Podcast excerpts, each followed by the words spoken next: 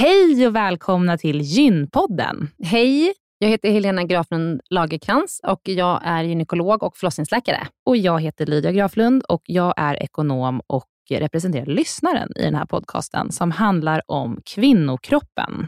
Det är vetenskaplig fakta om kvinnokroppen och det du hör i den här podden är det som man kan höra om man får träffa en läkare eller en barnmorska i ett eh, möte. Men ibland så bjuder vi in gäster som berättar om sina personliga erfarenheter och ibland är det också spekulation, men då är det verkligen tydligt att det är spekulation. Annars är grunden för den här podden vetenskaplig fakta om kvinnokroppen. Så är det. Hoppas att ni vill lyssna. Välkomna. Välkomna.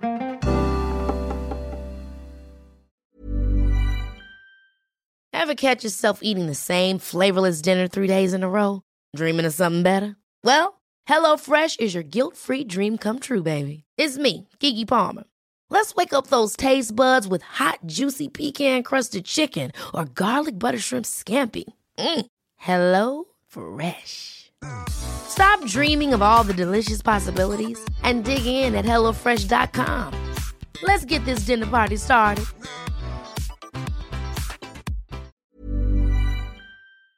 Den här veckans avsnitt av Gynpodden är sponsrad av Ester Care. Och Helena, det är ju det bolaget, vårdbolaget, som du och jag har varit med och startat, där vi erbjuder digitala vårdmöten med specialister inom kvinnovård. Precis. Och vi vet att det är väldigt mycket vårdpersonal som lyssnar på Gynpodden, vilket vi är jätteglada för.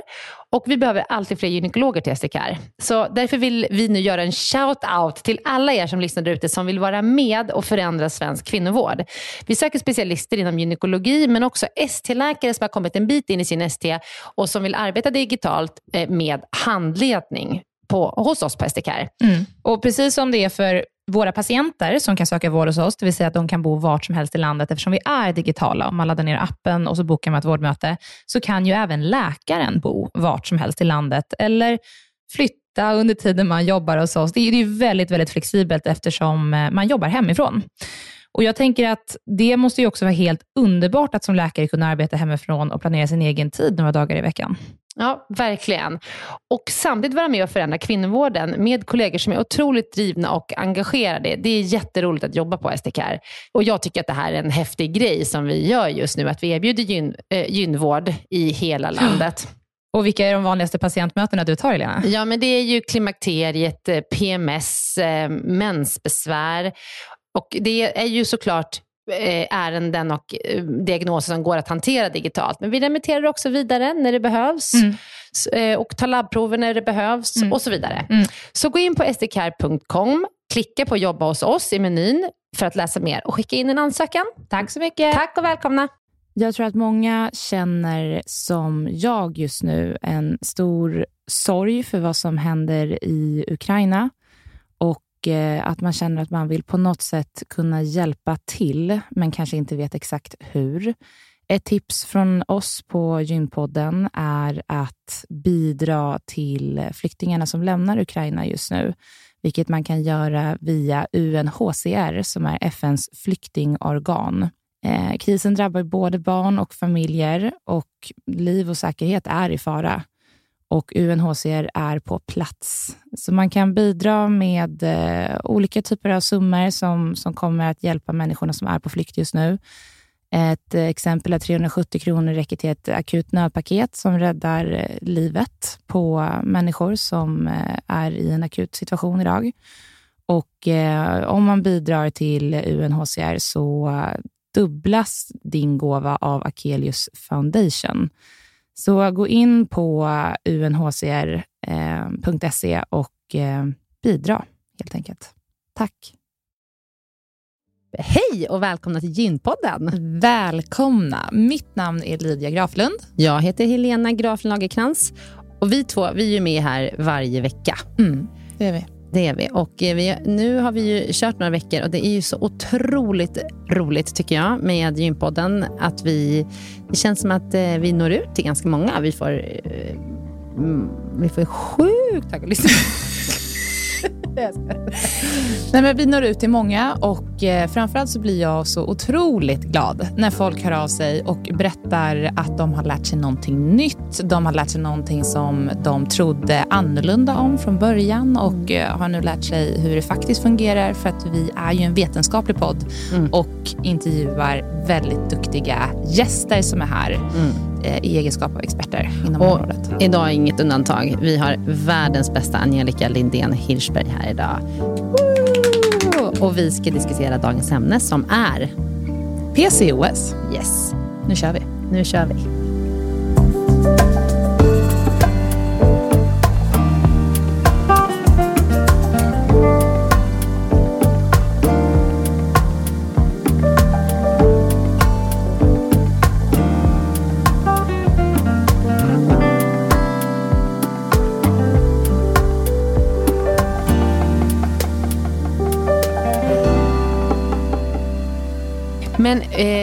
Idag så har vi ju en eh, fantastisk gäst som faktiskt har varit här för inte så länge sedan. Mm. Angelica Lindén Hirschberg.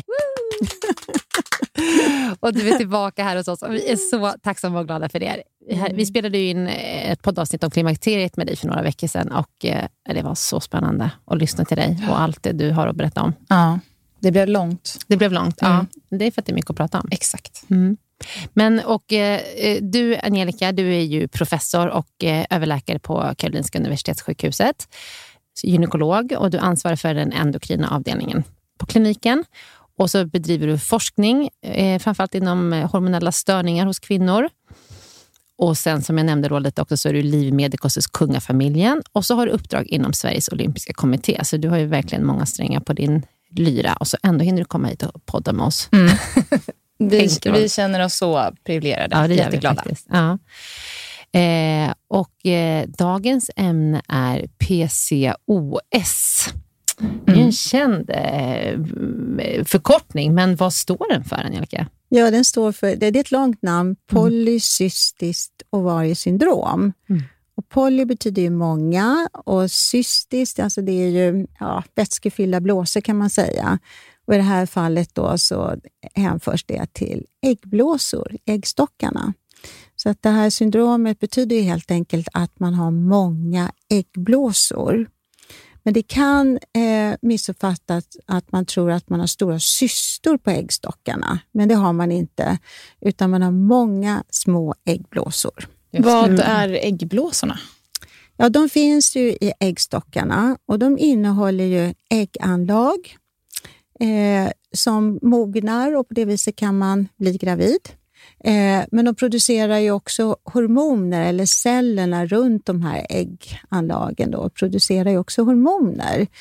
Eh, så att eh, man vet att det här utseendet på äggstockarna med många små blåsor kan hänga ihop med att man producerar lite mer av de här manliga könshormonerna i relation till de kvinnliga.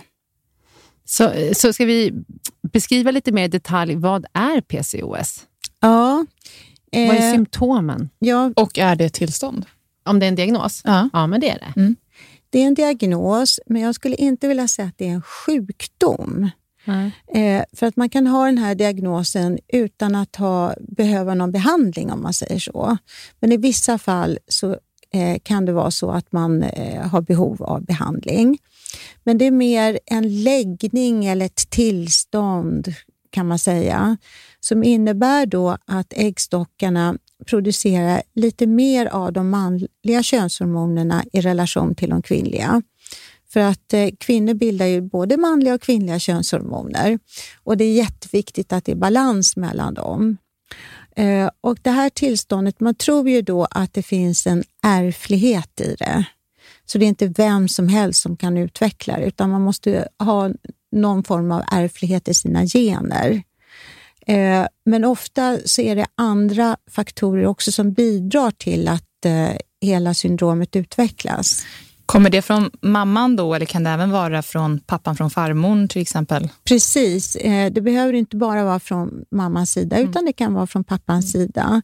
Och Man vet inte exakt hur den här nedärvningen ser ut utan det kan till och med hoppa över led, så det är ganska komplicerat. Men, men ofta får man fram att det finns någon form av ärftlighet bakom det i alla fall. Då, då. Mm. Och hur vet man att man har PCOS? Ja, det är ju förknippat med, med vissa symptom som är då kopplade till det här att man producerar lite mer manliga könshormoner.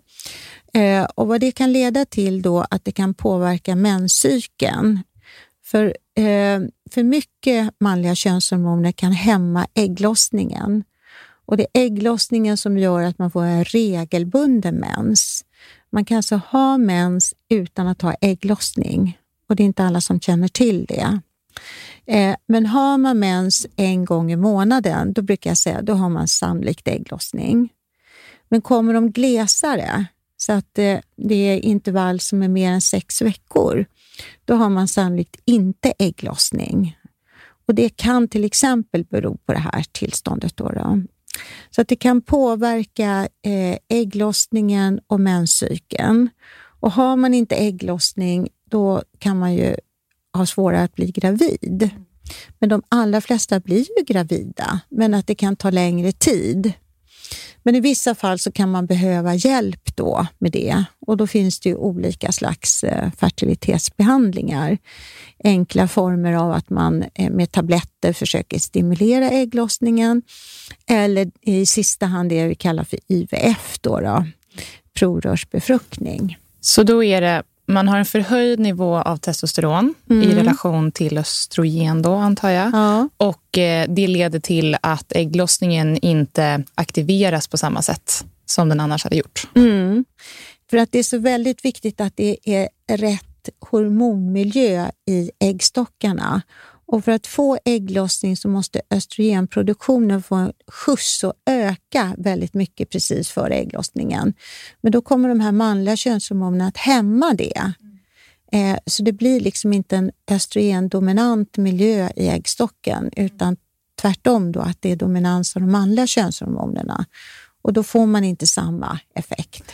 Mm. Finns det några andra symptom man kan eh, märka av, av att man har en högre eh, nivå av testosteron i kroppen som, som påminner då mer, alltså jag tänker mer hårväxt eller finns det någonting annat som eh, ja, man märker? Precis. Eh, så förutom att det kan påverka då menscykeln och fertiliteten eh, så kan de här manliga könshormonerna stimulera hårväxten. Och, och det Jackpot! Fram... bra. ja, bra Lydia. Ja, och, eh, och, och då är det så olyckligt att eh, manliga könshormoner stimulerar så att man får mer hår på kroppen. Och I vissa fall kan det bli ganska uttalat och då handlar det om grov behåring och i ansiktet så är det helt enkelt skäggstrån. Eh, och Det kan ju upplevas väldigt besvärande.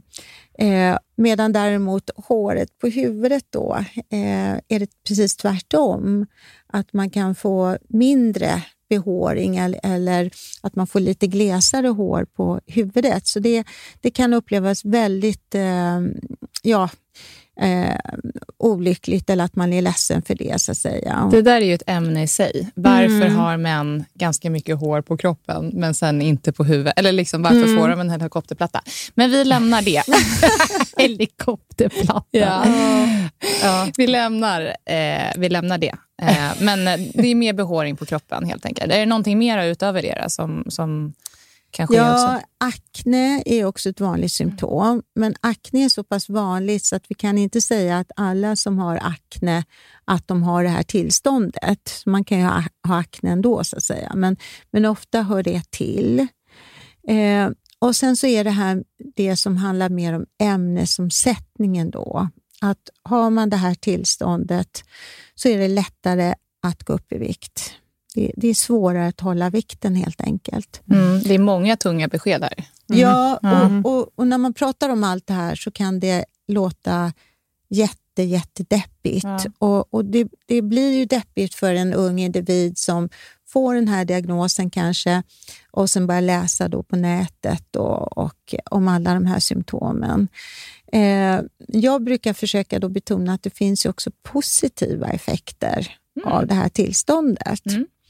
Eh, för att eh, till exempel manliga könshormoner som testosteron ha, har ju också positiva effekter hos kvinnor. Bland annat då att eh, man lättare bygger upp muskelmassa och benmassa. Eh, och vi vet ju idag att PCOS är vanligt bland elitidrottare till exempel, mm. som kan ha en stor fördel av det. Eh, och att eh, de kan känna sig lyckligt lottade att de har den här diagnosen och har den här läggningen eh, och eh, utnyttja det då på ett positivt sätt. Mm. Så man kan säga att, att eh, lyckas man hålla en normal vikt, då är det många fördelar med tillståndet. Mm. Men är det så att man går upp mycket vikt, det är då framför allt som de här mer negativa symptomen kan ge sig till känna. Men, men det kan vara så att en eh, flicka mm, som börjar menstruera, så har hon regelbunden mens i ett par år och sen går hon upp mycket i vikt av någon annan anledning och då börjar mensen bli mer gles. Mm. Eller hur? Att man liksom nästan provocerar fram den, eh, den här diagnosen med sin eh, viktuppgång. Exakt, det, det, är det mest typiska skulle jag vilja säga. Mm. Eh, för att eh, tillståndet utvecklas i samband med att äggstockarna blir aktiva då i puberteten. Eh, och eh, till en början med så kanske man inte har så mycket symptom. Men sen så kan det vara så att den här unga tjejen, hon åker kanske ja, på något sån utbytesår i USA eller någonting och går upp då 5-10 kilo på ett år. så inte, som man gör när man bor i USA. Ja, det, det är ju inte ovanligt att, att det kan vara så. Och då kommer symptomen. Mm. Och, och då kan det riktigt blomma ut. Men då har det legat latent? Då har och det legat latent. Har, ja. har det triggats igång helt enkelt? Exakt. Va? Mm. Så, så att um, sådana faktorer brukar ju trigga igång det. Uh, och Då kan man uppfatta det som att det blir som en ond spiral. Men det går att vända den spiralen, även om det är ganska tungt och jobbigt. Men, men det går verkligen att göra det. Och, och med viktnedgång då, framförallt? Ja, du? och mm. träning. Mm. Och träning, där, nu är vi där så, igen. Nu är vi där mm. igen, så träning. man har stor nytta av att träna mm. om man har det här tillståndet. Och, och, och, Många uppfattar det ändå som positivt. Även om de kanske är lite större så märker de ändå att de mår bra av att träna och de känner sig starka. Och Det brukar förbättra insulinkänsligheten och då är det lite lättare att vända den här onda spiralen. Att det kan vara lättare att och, eh, gå ner i vikt. Då. Mm. Och visst är det ganska lite viktnedgång ibland som behövs för att man ska få tillbaka sin mens och ägglossning? Mm. Det är ju det som är så otroligt fascinerande att man har sett det, att det kan räcka med bara några procents viktförändring så kommer eh, ägglossningen igång och mm. tickar mm. Och, och eh, Det är nästan ja, det är fertiliteten som normaliseras först, kan mm. man säga. Sen kan man se förbättring på de andra symptomen också. Men i relation till hur mycket övervikt då? Alltså hur, hur mycket övervikt behöver man ha? BMI, om vi tar det som mått Ja, alltså kraftig övervikt. Eh, BMI över 30, då har man ju fetma. Ja. Men BMI över 35 också eh, kan det löna sig att gå ner ja, 5% eller kanske till och med ännu mindre ja. i vikt, så kommer mensen och ägglossningen igång. Så när, om man har det här latent mm. och man går upp i vikt, hur mycket behöver man då generellt sett gå upp i vikt för att det här ska ha en, en ökad risk att trigga igång PCOS? Ja, det, det, är väldigt individuellt och, och, det finns ju de som också är normalviktiga och ändå har symptom på mm. det här tillståndet. Så det är inte alltid så att det, att det räcker med att gå ner i vikt och sen försvinner alla symptomen, utan man har ju ändå den här läggningen. Så det är väldigt, väldigt individuellt. Men vad man kan säga är att är man kraftigt överviktig man kan känna sig ja, men det är ingen idé, jag, jag, jag, jag, behöver gå ner 20 kilo för att bli normalviktig. Men då ska man veta att varje kilo som man lyckas gå ner i vikt kan ändå vara fördelaktigt för hälsan. Så det lönar sig att försöka mm. och, och, inte minst att träna så att man får en bättre insulinkänslighet. Mm. Finns det någon liknande effekt åt eh, andra hållet, om man blir alldeles för smal? På vilket sätt då tänker du? Jag tänker om man blir väldigt underviktig till exempel. Har, ja. Kan det också trigga igång? Eller är det just eh, övervikt? Alltså man kan ju bli av med sin mens, tänker du, om man Nej, blir men jag väldigt tänker smal. triggar igång PCOS, Okej. eh, Mm. Ja. symptomen. Nej, det, så är det inte. Så det är Eh, mot överviktshållet ja, som gör precis. det. Mm. Så att undervikt är en annan problematik. Sen Mm. kan man ju, en enskild individ kan ju både ha PCOS och sen vara underviktig och få andra hormonella effekter av det. Mm. Så att en individ kan ju ha flera hormonella tillstånd, Mm. teoretiskt förstås. Mm.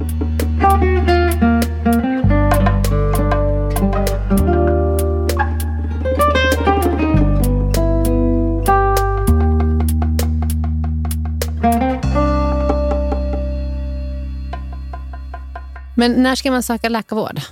Jag tänker så här, en kvinna som eh, inte har, är i en period när man vill skaffa barn, hon tycker det är rätt skönt att inte ha mens. Behöver hon söka gynekolog? Mm. Det är en jättebra fråga förstås. Då. Och, eh, vi, vi tycker det att, att man ändå bör göra det, för det kan vara bra att veta orsaken till mensstörningen. För att beroende på bakomliggande orsak så ska ju det hanteras på olika sätt. Då, då. Eh, och eh, vid PCOS så vet man att det inte är så hälsosamt att ha allt för glesa menstruationer. Eh, för att på lång sikt så kan det leda till cellförändringar i livmodern. Eh, och då brukar man rekommendera någon form av medicinering. Vad är det som leder till det? Ja, det är en jättebra fråga, för det handlar återigen om balansen mellan de olika könshormonerna. Eh, så att, eh, och det är östrogen som stimulerar livmoderslemhinnan så att den blir tjockare, medan gulkroppshormon eh, har motsatt effekt och skyddar slemhinnan mot det. Då. Och eh, Har man inte ägglossning, då får man inte ökning av det här gulkroppshormonet, utan då har man bara stimulering av östrogen hela tiden. Och då på väldigt lång sikt då, så kan det leda till cellförändringar i livmodern. För vi hade ju ett avsnitt där vi pratade om eh, preventivmedel Mm. och där vi kom fram till att eh, har man en viss hormonspiral så kan det leda till att man inte har mens överhuvudtaget till exempel. Och då kommer vi fram till att det är ju helt riskfritt. Ja. Eh, Men det här har inte med det att göra. Det är inte själva mensen i sig då, eller? Nej, det är inte mensen Nej. i sig, utan det beror på den hormonella bakgrunden. Okej. Så det är ganska så komplext. Mm. Har du en hormonspiral och inte har några blödningar, då är det ju för att hormonspiralen påverkar den här slemhinnan i livmodern så att den hela tiden är tunn och man inte har liksom något blod att blöda ur sig kan man Exakt. säga. Ja. Men om man har PCOS och inte har blödningar, då kan det ändå vara så att slemhinnan i livmodern bygger upp sig och blir tjockare men man ändå inte blöder ur den. Och Mm. då om man går med en förtjockad slemhinna i livmodern under väldigt lång tid, Mm. då kan det bidra till att man får cellförändringar i livmoderslemhinnan. Och det är därför som man ska söka gynekolog eh, och få behandling. Och vad får man för behandling, Angelica? Eller hade du någon fråga? Ja, men jag har en fråga faktiskt. För att jag, Mm. jag har en, nu kommer jag till det här med mig och mina tjejkompisar. Jag har en, en vän som, eh, vars mamma har PCOS och hade lite svårt att bli gravid. Eh, och hon eh, misstänker nog att hon också har det, men kanske inte har symptom. Eh, kanske lite oregelbunden mens ibland, men det har också haft att göra med lite med preventivmedel att göra och sådär. Ehm, hur ska hon tänka kring, kring det inför att eh, kanske bli gravid? Och finns det någonting som, som hon eh, ska göra liksom, för att förbättra förutsättningarna? Och om hon inte har problem med det idag egentligen, borde hon söka vård då för att ha så bra förutsättningar för att kunna bli gravid som möjligt? Mm. Det är inte säkert att hon behöver göra det. Eh, utan det, det beror ju liksom på eh, livssituation och, och eh, helheten. Och, eh, vi har pratat om det här med livsstil tidigare Mm. och även här spelar ju det roll. Är man normalviktig och har en bra livsstil, Mm. då det är inte så mycket mer man kan påverka. Nej. Jag menar, allt det som vi vet eh, är negativt när det gäller fertilitet, rökning och sånt där. Och, och det, det ska man ju försöka undvika förstås. Men, men är man hyfsat normalviktig och tränar regelbundet och sådär, då gör man ju det man kan göra. Mm. Och, och Då tycker inte jag man behöver vara så orolig, utan då kan man ju vänta till det blir aktuellt att man vill försöka bli gravid. Då, då. Mm. Och, och sen vad som är jätteviktigt att när med mensen, när vi pratar om regelbunden eller gles mens, det är ju om man inte använder hormonella preventivmedel. Mm. För att använder man hormonella preventivmedel, då är det ju de som styr mensen. Så det säger ingenting om ens egen hormonproduktion. Eh, och ska man verkligen utreda, då måste man göra uppehåll med dem. Eh, mm. Och Då måste man väga, är det verkligen nödvändigt att göra det nu? Mm. Eller det kanske kan vänta när det mm. blir mer aktuellt. Mm. Men för en behandling för PCOS, det är ju bland annat p-piller, kombinerade p-piller. Ja, precis. Mm. För det, om vi ska komma in lite på behandlingen, mm. eh, om man inte har någon mens, om man inte står på några hormonella preventivmedel, hur gör man då? Ja, egentligen så finns det bara ja, det finns ja, två eller tre alternativ. Då, då. Men, mm. men kombinerade p-piller som innehåller då både östrogen och syntetisk gulkroppshormon, det är ofta det vi rekommenderar i första hand, för det är en otroligt effektiv behandling. För dels är det så då att den reglerar mensen, så att man eh, får regelbunden mens. Man kan ju också idag äta eh, p-piller kontinuerligt utan de där sockerpillerna. Men, men, i det här fallet säger vi då att man äter det på vanligt sätt och då får man en regelbunden mens. Eh, och Det är också skydd mot eh, livmodercellförändringar eh, som jag har pratat om, så det är jättebra. Eh, och Dessutom så minskar ju östrogen då, eh, de manliga könshormonerna. Så man får mindre aktivitet av manliga könshormoner. Och då till exempel om man har mycket kroppshår då, så kommer det att hämmas. Det kommer inte med en gång, men successivt så får man betydligt mindre hårväxt. Eh, så det har en ganska bra effekt mot det. Men rekommenderar du då p-piller som är lite mer östrogendominanta, som har lite högre östrogendos? Ja, vi, eller vi, bru vi som... brukar ju rekommendera det. Faktum är att, att egentligen alla kombinerade p-piller nog har en positiv effekt. Mm, okay. Men vi brukar rekommendera de andra för att, att de minskar ju då de manliga könshormonerna mer effektivt. Så att hyn kommer bli bättre, man får mindre behåring och eh, man får ett regelbundet blödningsmönster och behöver inte vara rädd för cellförändring i livmodern. Så kombinerade p-piller är ju absolut den bästa behandlingen. Men sen så kan det vara så att man, eh, och dessutom är det ett preventivmedel, då, mm. så att det är många, eh, man slår flera flugor i en smäll så att säga. Mm. Men sen kan det vara så att man inte tycker att man har behov av eh, p-piller. Och då kan det ju räcka med att man tar gulkroppshormon i, eh, som en kur då varje månad och på det viset får en regelbunden mens. För då tar man det gulkroppshormonet och sen när man slutar med det, då blir det som att man får en mens, fast ja. man har ju inte haft ägglossning. Nej, precis. Och, och då kan man säga då den, den kuren då liknar lite grann menscykeln när man har en ökning av gulkroppshormonet och efter att det minskar så kommer ju en mens. Då. Så man efterliknar lite grann den normala menscykeln. Då, då. Och då förebygger man också cellförändringar i livmodern? Mm, mm. det gör man. Vad är den tredje behandlingen då? Ja, då, då tänkte jag helt enkelt hormonspiral mm. om man vill ha skydd eh, ja, för cellförändringar i livmodern. Mm. Men att eh, då får man ju inte hjälp med, med akne eller behåring. Nej, just mm. det.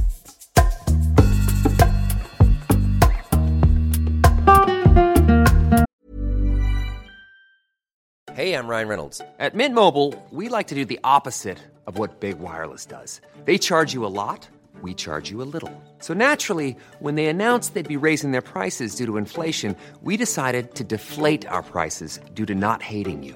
That's right. We're cutting the price of Mint Unlimited from $30 a month to just $15 a month. Give it a try at mintmobile.com slash switch. $45 upfront for three months plus taxes and fees. Promote for new customers for limited time. Unlimited more than 40 gigabytes per month. Slows. Full terms at mintmobile.com. There's never been a faster or easier way to start your weight loss journey than with PlushCare. PlushCare accepts most insurance plans and gives you online access to board-certified physicians who can prescribe FDA-approved weight loss medications like Wigovi and Zepbound for those who qualify. Take charge of your health and speak with a board certified physician about a weight loss plan that's right for you.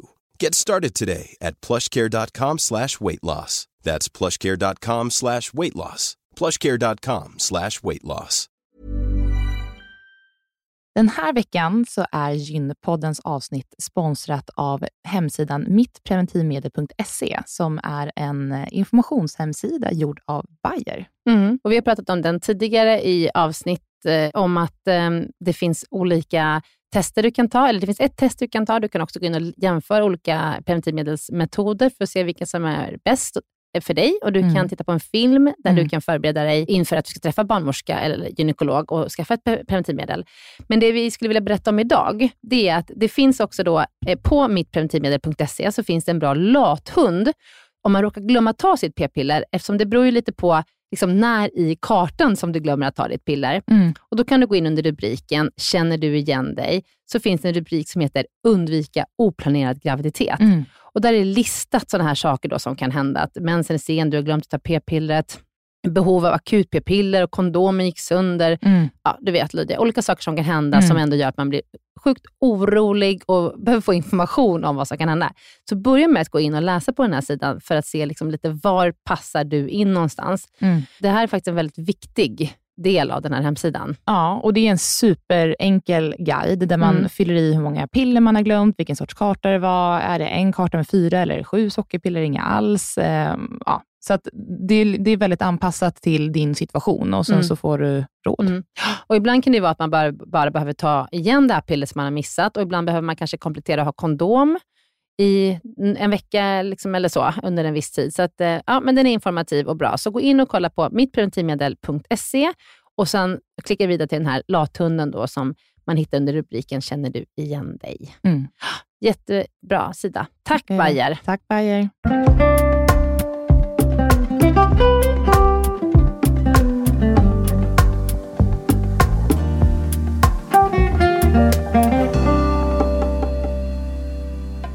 Finns det några eh, risker? Vi pratade lite om att, med riskerna att det, kan vara, att det kan finnas svårigheter att bli gravid. Det behöver inte vara så. Men, mm. och då så, så har vi redan pratat om att det finns jättemycket att göra. Man kan hjälpa till med eh, eh stimulera ägglossning och, eller IVF om det skulle behövas. Mm. Men finns det några andra risker eh, långsiktigt med PCOS? Ja, vi har ju pratat lite grann om det här med risken för livmodercancer. Mm. Eh, men det gäller ju framförallt om man inte använder eh, någon behandling utan har de här väldigt glesa eh, menstruationerna. Eh, då vet vi att det, att det finns en ökad risk. Eh, annars är det ju mer risker som är mer kopplade till om man är överviktig. Eh, och är man kraftigt överviktig, då är det en ökad risk för diabetes. Mm. Eh, och det här som vi kallar för åldersdiabetes då, då och högt blodtryck. Eh, och de tillstånden. Men håller man sig någorlunda normalviktig så är det inte så förhöjd risk för det. Så det viktigaste är att försöka att hålla så ja, normal vikt som möjligt. Då. Mm. Mm. Och Finns det några fördelar med PCOS? Du nämnde det här med att man kan lite lättare få bygga muskelmassa, mm. så, men finns det något annat? Ja, och jag, jag, tror jag nämnde också det här med benmassa till mm. exempel. Och, och eh, när man blir äldre så är det faktiskt ganska många kvinnor som blir bensköra. Och Det tänker vi inte på när vi är unga och, och friska och så, men, men, som äldre så är det ju inte roligt att till exempel eh, att man får benskörhet, att, att man blir kort kortare därför att de här kotkropparna de, de liksom minskar i, i, höjd och så vidare. Och man blir, blir, blir mer krum i ryggen och eh, man kanske till och med får ett benbrott lätt. Då, eh, och de, den risken är ju väldigt liten skulle jag vilja säga om man har PCOS. Mm. Eh, så, så, att eh, man, man har lätt att, man har en starkare kropp helt enkelt. Mm. Och det tror man ju eh, att det kan ha haft vissa fördelar eh, evolutionsmässigt. Eh, och också att man kanske då under perioder av svält i, tidigare och, och också olika delar av eh, världen, att man har kunnat överleva och ändå vara fertil. Så det finns ju olika fördelar, men i, i dagens samhälle där vi har ett överflöd då på föda och sådär, då, då är det ju svårare. Mm. Mm. Så då kan man tänka sig att eh, antalet personer som har PCOS har ju ökat med tiden då, om, mm. om din teori ja. stämmer? Mm. och det har man ju sett ganska intressant i Sydostasien. som, som till exempel Indien, Pakistan, de länderna som har haft svält under lång tid. Nu så bara när de har fått bättre status att säga, så, så exploderar det när det gäller både åldersdiabetes och PCOS. Mm. Mm. Hur, många, hur många i Sverige skulle du uppskatta har PCOS? Ja, man säger faktiskt att globalt att det är ungefär 10 procent av alla kvinnor i fertil ålder, så det är supervanligt. Mm. Och eh, man säger att det är den vanligaste hormonella rubbningen hos kvinnor. Mm.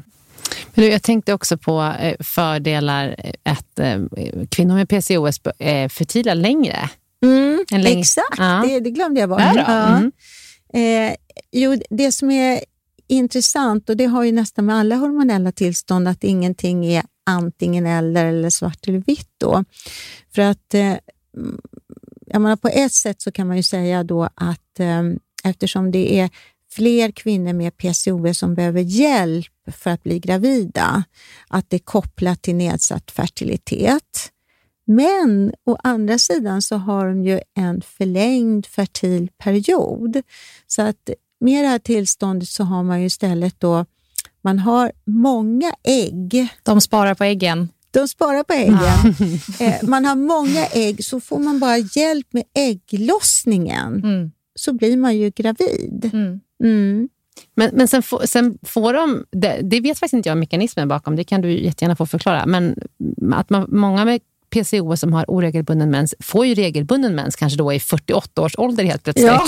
Vad, är, vad är bakgrunden till det? Men är det de som kommer in i klimakteriet vid 60 där? Ja, ja kanske. Kan som vi pratade om i förra ja, avsnittet. De sena. Mm. Absolut. Mm. Nej, men man tror ju så här då att um, det är ju de här äggblåsorna bland annat som producerar eh, hormoner i äggstockarna. Och, och, Det har vi ju pratat om att, att eh, antalet äggblåsor minskar med åldern mm. hela tiden. Mm. Redan från fosterlivet så minskar det. Ah. Och, eh, eh, och Det är de som liksom styr också hormonbalansen. Och Då tror man så här att eh, när man har minskat antalet äggblåsor till en viss nivå, och den nivån kan vara väldigt individuell, då plötsligt så tickar det igång då att då är det inte den här stora obalansen mellan manliga och kvinnliga könshormoner, utan då plötsligt så blir det balans på det. Ja. Och, och då kan det komma igång. Ja. Så det är superintressant. Det är precis som att det är olika termostater. Mm. Och det kan säkert vara individuellt mm. också. Mm. Då tänker en att den som spar, hon har. Ja. Så kan man vi. tänka. Men det, det, jag, jag, tänker så mycket på en sjuksköterska som jag jobbade med för några år sedan. Och så sa hon, du Helena, Alltså, jag är 50 år och nu har jag fått regelbunden mens. Mm. För jag har haft oregelbunden mens hela livet och nu har jag regelbunden mens. Man trodde liksom att man var klar nu. Vad fasen är detta? Mm. PCOS. Och då, jag sa det, ja, du måste ju ha haft PCOS. Mm. det, men hon, var liksom, hon tyckte inte att det var jättekul. men hon, hon ville inte ha barn nej, då? Jo, nej, hon hade fått sina barn och hon hade väl till och med barnbarn tror jag. Så Nej. Hon var inte det, ens det stadiet av, li, av, livet, utan hon var mer sådär, vad fasen, skulle det inte vara klart nu när man närmar sig 50? Ja. Ja. Men, eh. men för många, många, är det ju ändå positivt. En, en sak som är ändå viktig att betona, att även om man sparar på sina ägg så kan vi ändå inte rekommendera att man ska vänta med att skaffa barn. Nej. För att äggkvaliteten försämras ju ändå med åldern. Och vi vet ju inte exakt när, när den blir eh, dålig för just den kvinnan, så att mm. säga. Så att man kan ge lite hopp om att det kan bli lättare att bli gravid mm. kanske ja, efter 35, men man kan samtidigt inte rekommendera att de väntar så länge.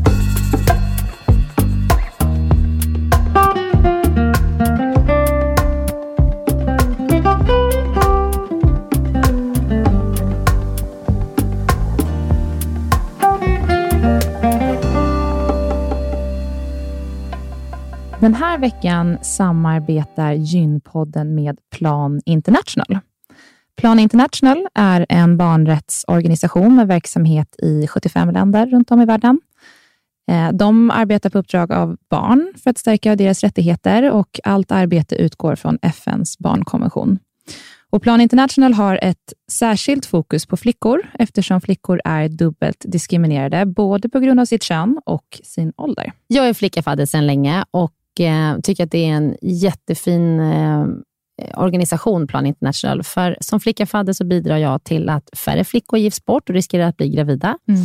Att alla flickor eh, ska få gå i skolan och eh, det är ju utbildning som är vägen framåt för många flickor i världen. Mm. Och att eh, vi ska få stopp på våld och övergrepp och trakasserier mot flickor. Mm. Visste du, Helena, att var tredje sekund så tvingas en flicka att gifta sig? Ja, vi måste få ett stopp på barnäktenskap. Ja. Och för bara fyra kronor om dagen så kan du vara med och ge fler flickor en ljusare framtid och alla behövs. Bli flicka-fadder för Mm. 100 kronor i månaden. Mm. För att kämpa för att inga flickor ska behöva eh, tvingas att gifta sig eller eh, till exempel könsstympas. Så gå in på flickafadder.se och man kan stötta Plan International. Tack snälla Plan International för att ni vill samarbeta med oss.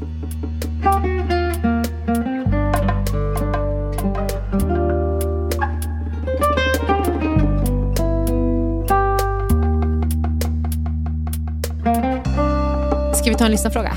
Ja, gärna. Ja, eh, det här är en 30-årig kvinna som vet att hon har PCOS och hon står på kombinerade p-piller för, som skydd för detta.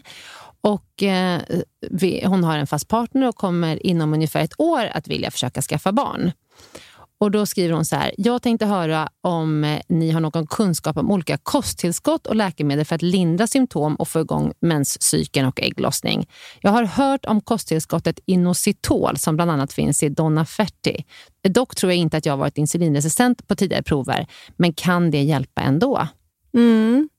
Ja, det är lite intressant ehm, Eh, för att det här inositol då som eh, är helt enkelt ett kroppseget ämne kan förbättra insulinkänsligheten. Och, man kan säga att det är ju två faktorer som spelar roll för utvecklingen av PCOS. Dels är det det att äggstockarna producerar lite för mycket av manliga könshormoner, men den andra faktorn är just det här med försämrad insulinkänslighet. Och De två faktorerna påverkar varandra. Och till exempel om man går upp i vikt då så får man ju en sämre insulinkänslighet och då leder det till att man får lite högre nivåer av manliga könshormoner. Eh, och tvärtom, går man ner i vikt så minskar de manliga könshormonerna. Så de här två liksom hänger ihop hela tiden. Och med det här inositol då, så kan man förbättra insulinkänsligheten. Eh, och Det finns eh, studier som har visat att det har en viss positiv effekt. Mm. Så att eh, på det viset så kan det vara fördelaktigt. Men dels så kan man inte förvänta sig några dramatiska effekter. Och Sen är det också ganska dyrt preparat. Mm. Det är inte så att vi kan rekommendera, men ta det här nu flera år så ska du se att det kommer gå mycket bättre. Nej. Men till exempel som en, eh, en period under tre månader kan man ju tänka sig att det kan vara fördelaktigt för att sen försöka komma igång och, och eh, ja, försöka bli gravid helt enkelt. Okej, så Mm. inför graviditetsstart Ja, så att säga. ja. Mm. Mm. kan man tänka sig. Det är ett jättebra Mm. tips. Men annars så kan man ju stå kvar på sina p-piller och sen när man vill bli gravid så slutar man med dem, försöker Mm. bli gravid på naturlig väg och går det inte så går man till sin gynekolog och får hjälp med det. Ja, Mm. precis. Jag tycker det är alltid så intressant att höra eh, en, en läkare som du som har jobbat så mycket med det här. Vad, har du har det här, eh, liksom, eh, om man säger så här, hur man ser på PCOS, eller så, är det någonting som har förändrats med, över tid? Liksom, vad är de stora insikterna vi har fått om PCOS de, sen, liksom, de senaste åren? Så, är det någonting så här som du speciellt tänker på? Att du tänker det här är intressant för oss att prata om? Mm. Nej, men om man ser på eh, från det att det så att säga, beskrevs första gången, det var 1935 och det var två amerikanska gynekologer som beskrev då eh, symptom hos sju kvinnor som hade väldigt uttalade symptom. Eh, så att de här kvinnorna de hade ingen menstruation och de var kraftigt överviktiga och hade väldigt mycket behåring. Och sen så fann man att de hade de här stora äggstockarna med, med många blåsor. Och då kallar man det för Stein-Leventhal syndrom efter de här två manliga gynekologerna. Då. Och, eh, och det blev lite stigmatiserande att få den diagnosen, för då tänkte man sig stora ja, skäggiga kvinnor. Mm. Och, och, eh, och då klart man inte vill ha en sån diagnos. Nej. Men idag så vet vi att det är inte så. I många fall kan man inte på, utan på skriften säga att du har den här diagnosen. Det Nej. kan man inte.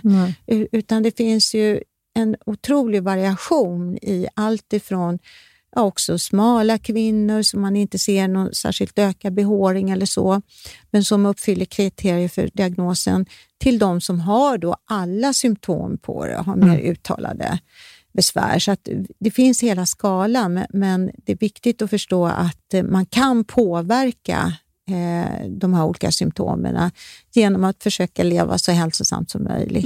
Mm. Men vi, vi har inte nämnt det, men man ska ju också komma ihåg att om man, om man har de här symptomen med eh, manlig eh, behåring, Mm. eh, man kan få hjälp med det ifrån Mm. regionerna. Så att man, eh, de, om man går till doktorn så kan man få bidrag till att gå till exempel för laserbehandling, eller hur? Ja, eh, någon form av behandling. Ja. Även det här med epilering som det kallas för, Mm. eller att man använder diatermi och helt enkelt bränner bort enskilda Mm. eh, hårsäckar. Eh, så någon form av behandling. Jag tror att de, många regioner kan erbjuda det, men inte alla. Inte faktiskt. alla, okej. Nej, Nej. tyvärr. Och Men- vad men- behöver man ha med sig då Man för behöver- att intyga det? Man behöver gå till sin läkare som skriver remiss för det. Ja, man måste ha en remiss Mm, och mm. någon diagnos som förklarar varför man har Mm. Så mycket behåring. Mm. Och man kan inte få hjälp med hela kroppen utan det är framför allt ansiktet. Mm. För i vissa fall kan det ju vara väldigt uttalat då att man kanske måste raka sig Mm. så gott som dagligen så att säga. Och Mm. det kan ju innebära ett stort lidande. Mm. Mm. Men det, det kan man få hjälp med, så sök hjälp Ja, om du har de absolut. besvären. Mm. Men du Lydia, jag tänker bara, vi ska avsluta med, du, du frågar ju varför har män, du kallar helikopterplatta, men varför har män eh, en... eh, Men och även Ville, Ja, din lilla son. min lilla Men det är för att han pillar sig i håret hela tiden. Ja, han, drar, han, han, har liksom, han älskar att dra i sitt, han har långt svallande blont hår, han älskar att dra i det. Så han har dragit så mycket och pillat så mycket så han har fått som så en han liten... har redan en helikopterplatta. Och han är bara fem år. Han ser så söt ut. Men nu har vi faktiskt snaggat honom, så nu slutar han bra och nu har det vuxit tillbaka. Men han såg ut som en liten gammal Gubbe. man för, för några månader sedan. Men, ja, men, eh, Angelica, vill du svara på det? Varför män har en sån en liten Ja, flint? Varför alltså- får män och inte kvinnor det? Ja, eh, det är också hormonellt beroende och beroende av ärftlighet. Men det som är intressant är att det kan vara kopplat till det här med PCOS. Eh, därför att det, det finns ju en manlig variant av det. Mhm. Och det är just män som blir tidigt skalliga. Det hade jag Har ingen de aning om. PCOS Eh, då, fast i manligt format? Alltså de har den här genetiska läggningen. Ja, det är så många Men- jag tänker på nu som Men- jag har pluggat men- med och som man började se så här, det här börjar Vi, hända. jag måste ändå tillägga det, det betyder ju inte att alla män som är skalliga har den konstitutionen. Nej. Det, så är det absolut inte. Men man har ju sett det när man har tittat på ärftlighet att den, den manliga typen av det är just de med, med tidig skallighet och som kanske lättare utvecklar då eh, diabetes och högt blodtryck när de blir äldre. Mm. Och vad händer, vad händer, lite kort bara, vad händer hos dem då? Nej, alltså de har ju lite lättare att få de här vad vi säger metabola tillstånden, det vill säga diabetes och, och Nej, men jag tänker i kroppen. Om, om Ja. kvinnor har lite förhöjd nivå av testosteron då, Ja. som är PCOS, liksom, anledningen till varför man har symptomen. Vad, är det, vad händer för männen då? Ja, det, det, Nu är ju Angelica gynekolog.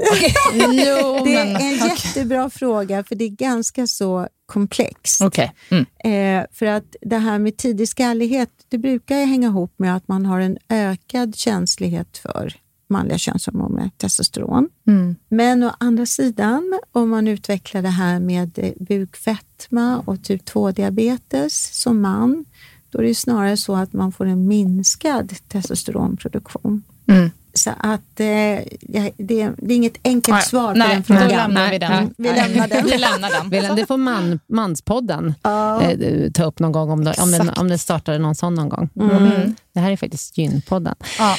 Ja, har vi missat någonting Nej. om PCOS? Jag tycker inte det. Nej. Angelica, har vi det? Det finns hur mycket som helst, men jag tror vi har tagit upp det viktigaste. Tagit upp det viktigaste. Jag, tror Ja. det. jag hoppas det i alla fall. Ja. Mm. Tusen tack för att du kom hit idag. Så roligt att få prata om det här och viktigt. Mm. Det, PCOS tror jag är någonting som inte så där jättemånga känner till som, som inte har liksom fått diagnosen och läst på. Så det här är Nej. ju någonting som är jätteintressant att Men lyssna man vet på. också att de som eh, kanske misstänker att de har det för att eh, man vet att det är ärftligt, jag vet att de är ganska oroliga. Mm. Så det är skönt att berätta och få, eller att vi pratar om det och att man får lite fakta. Mm. Och de är framförallt rädda för att det ska bli svårt att bli gravida. Ja, Men då, absolut. då Ja. har vi ju sagt det nu, att det finns jättemycket hjälp att få. Och de Ja, allra flesta absolut. får ju barn, Mm. om man vill. Absolut. Tusen tack. Tusen tack, Angelica. Och du kommer ju komma tillbaka igen, tror jag. Hoppas det. Tack Angelica, sköt Tack, om dig. tack. Hej då. Hej då.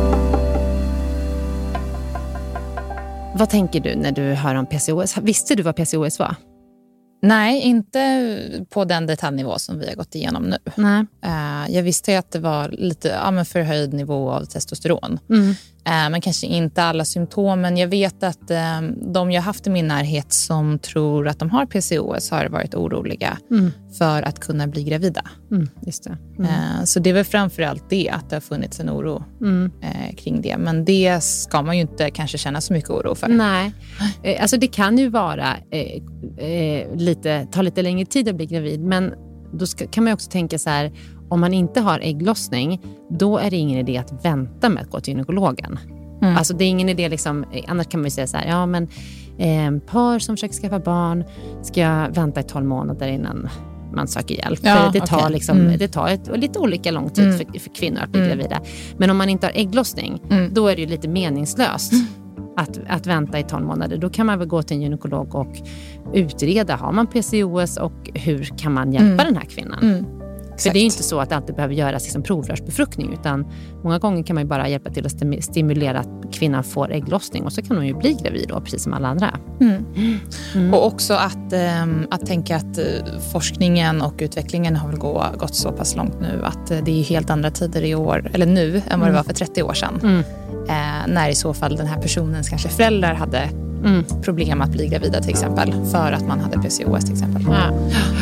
Ja, nej men det jag tänker är också så, alltså jag förstår kvinnors oro att inte kunna bli gravida, men jag tänker också att det är viktigt att lyfta liksom långtidsriskerna med metabola syndromet, att, att det är viktigt att man, liksom, att man inte lägger på sig vikt fast det är svårt att motverka det. Men det pratar ju Angelica så starkt om att liksom, det går att påverka det. Mm. Och att man liksom tar sig en extra fundering, även fast det är svårt, men liksom att lever jag så gott som jag kan, så att säga. Ja. Ja, ja men vad roligt. Ja, nu Härliga går vi ut i... Angelica och få prata med henne. Ja. Ja, tack för idag Helena. Tack, hej då.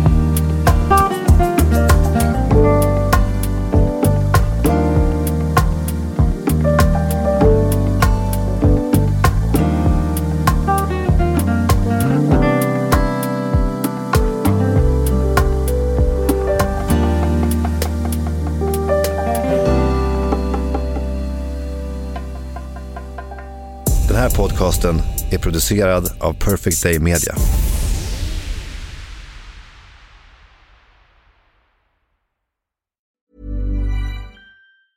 Ever catch yourself eating the same flavorless dinner three days in a row? Dreaming of something better? Well, Hello Fresh is your guilt-free dream come true, baby. It's me, Gigi Palmer. Let's wake up those taste buds with hot, juicy pecan-crusted chicken or garlic butter shrimp scampi. Mm. Hello Fresh. Stop dreaming of all the delicious possibilities and dig in at HelloFresh.com. Let's get this dinner party started.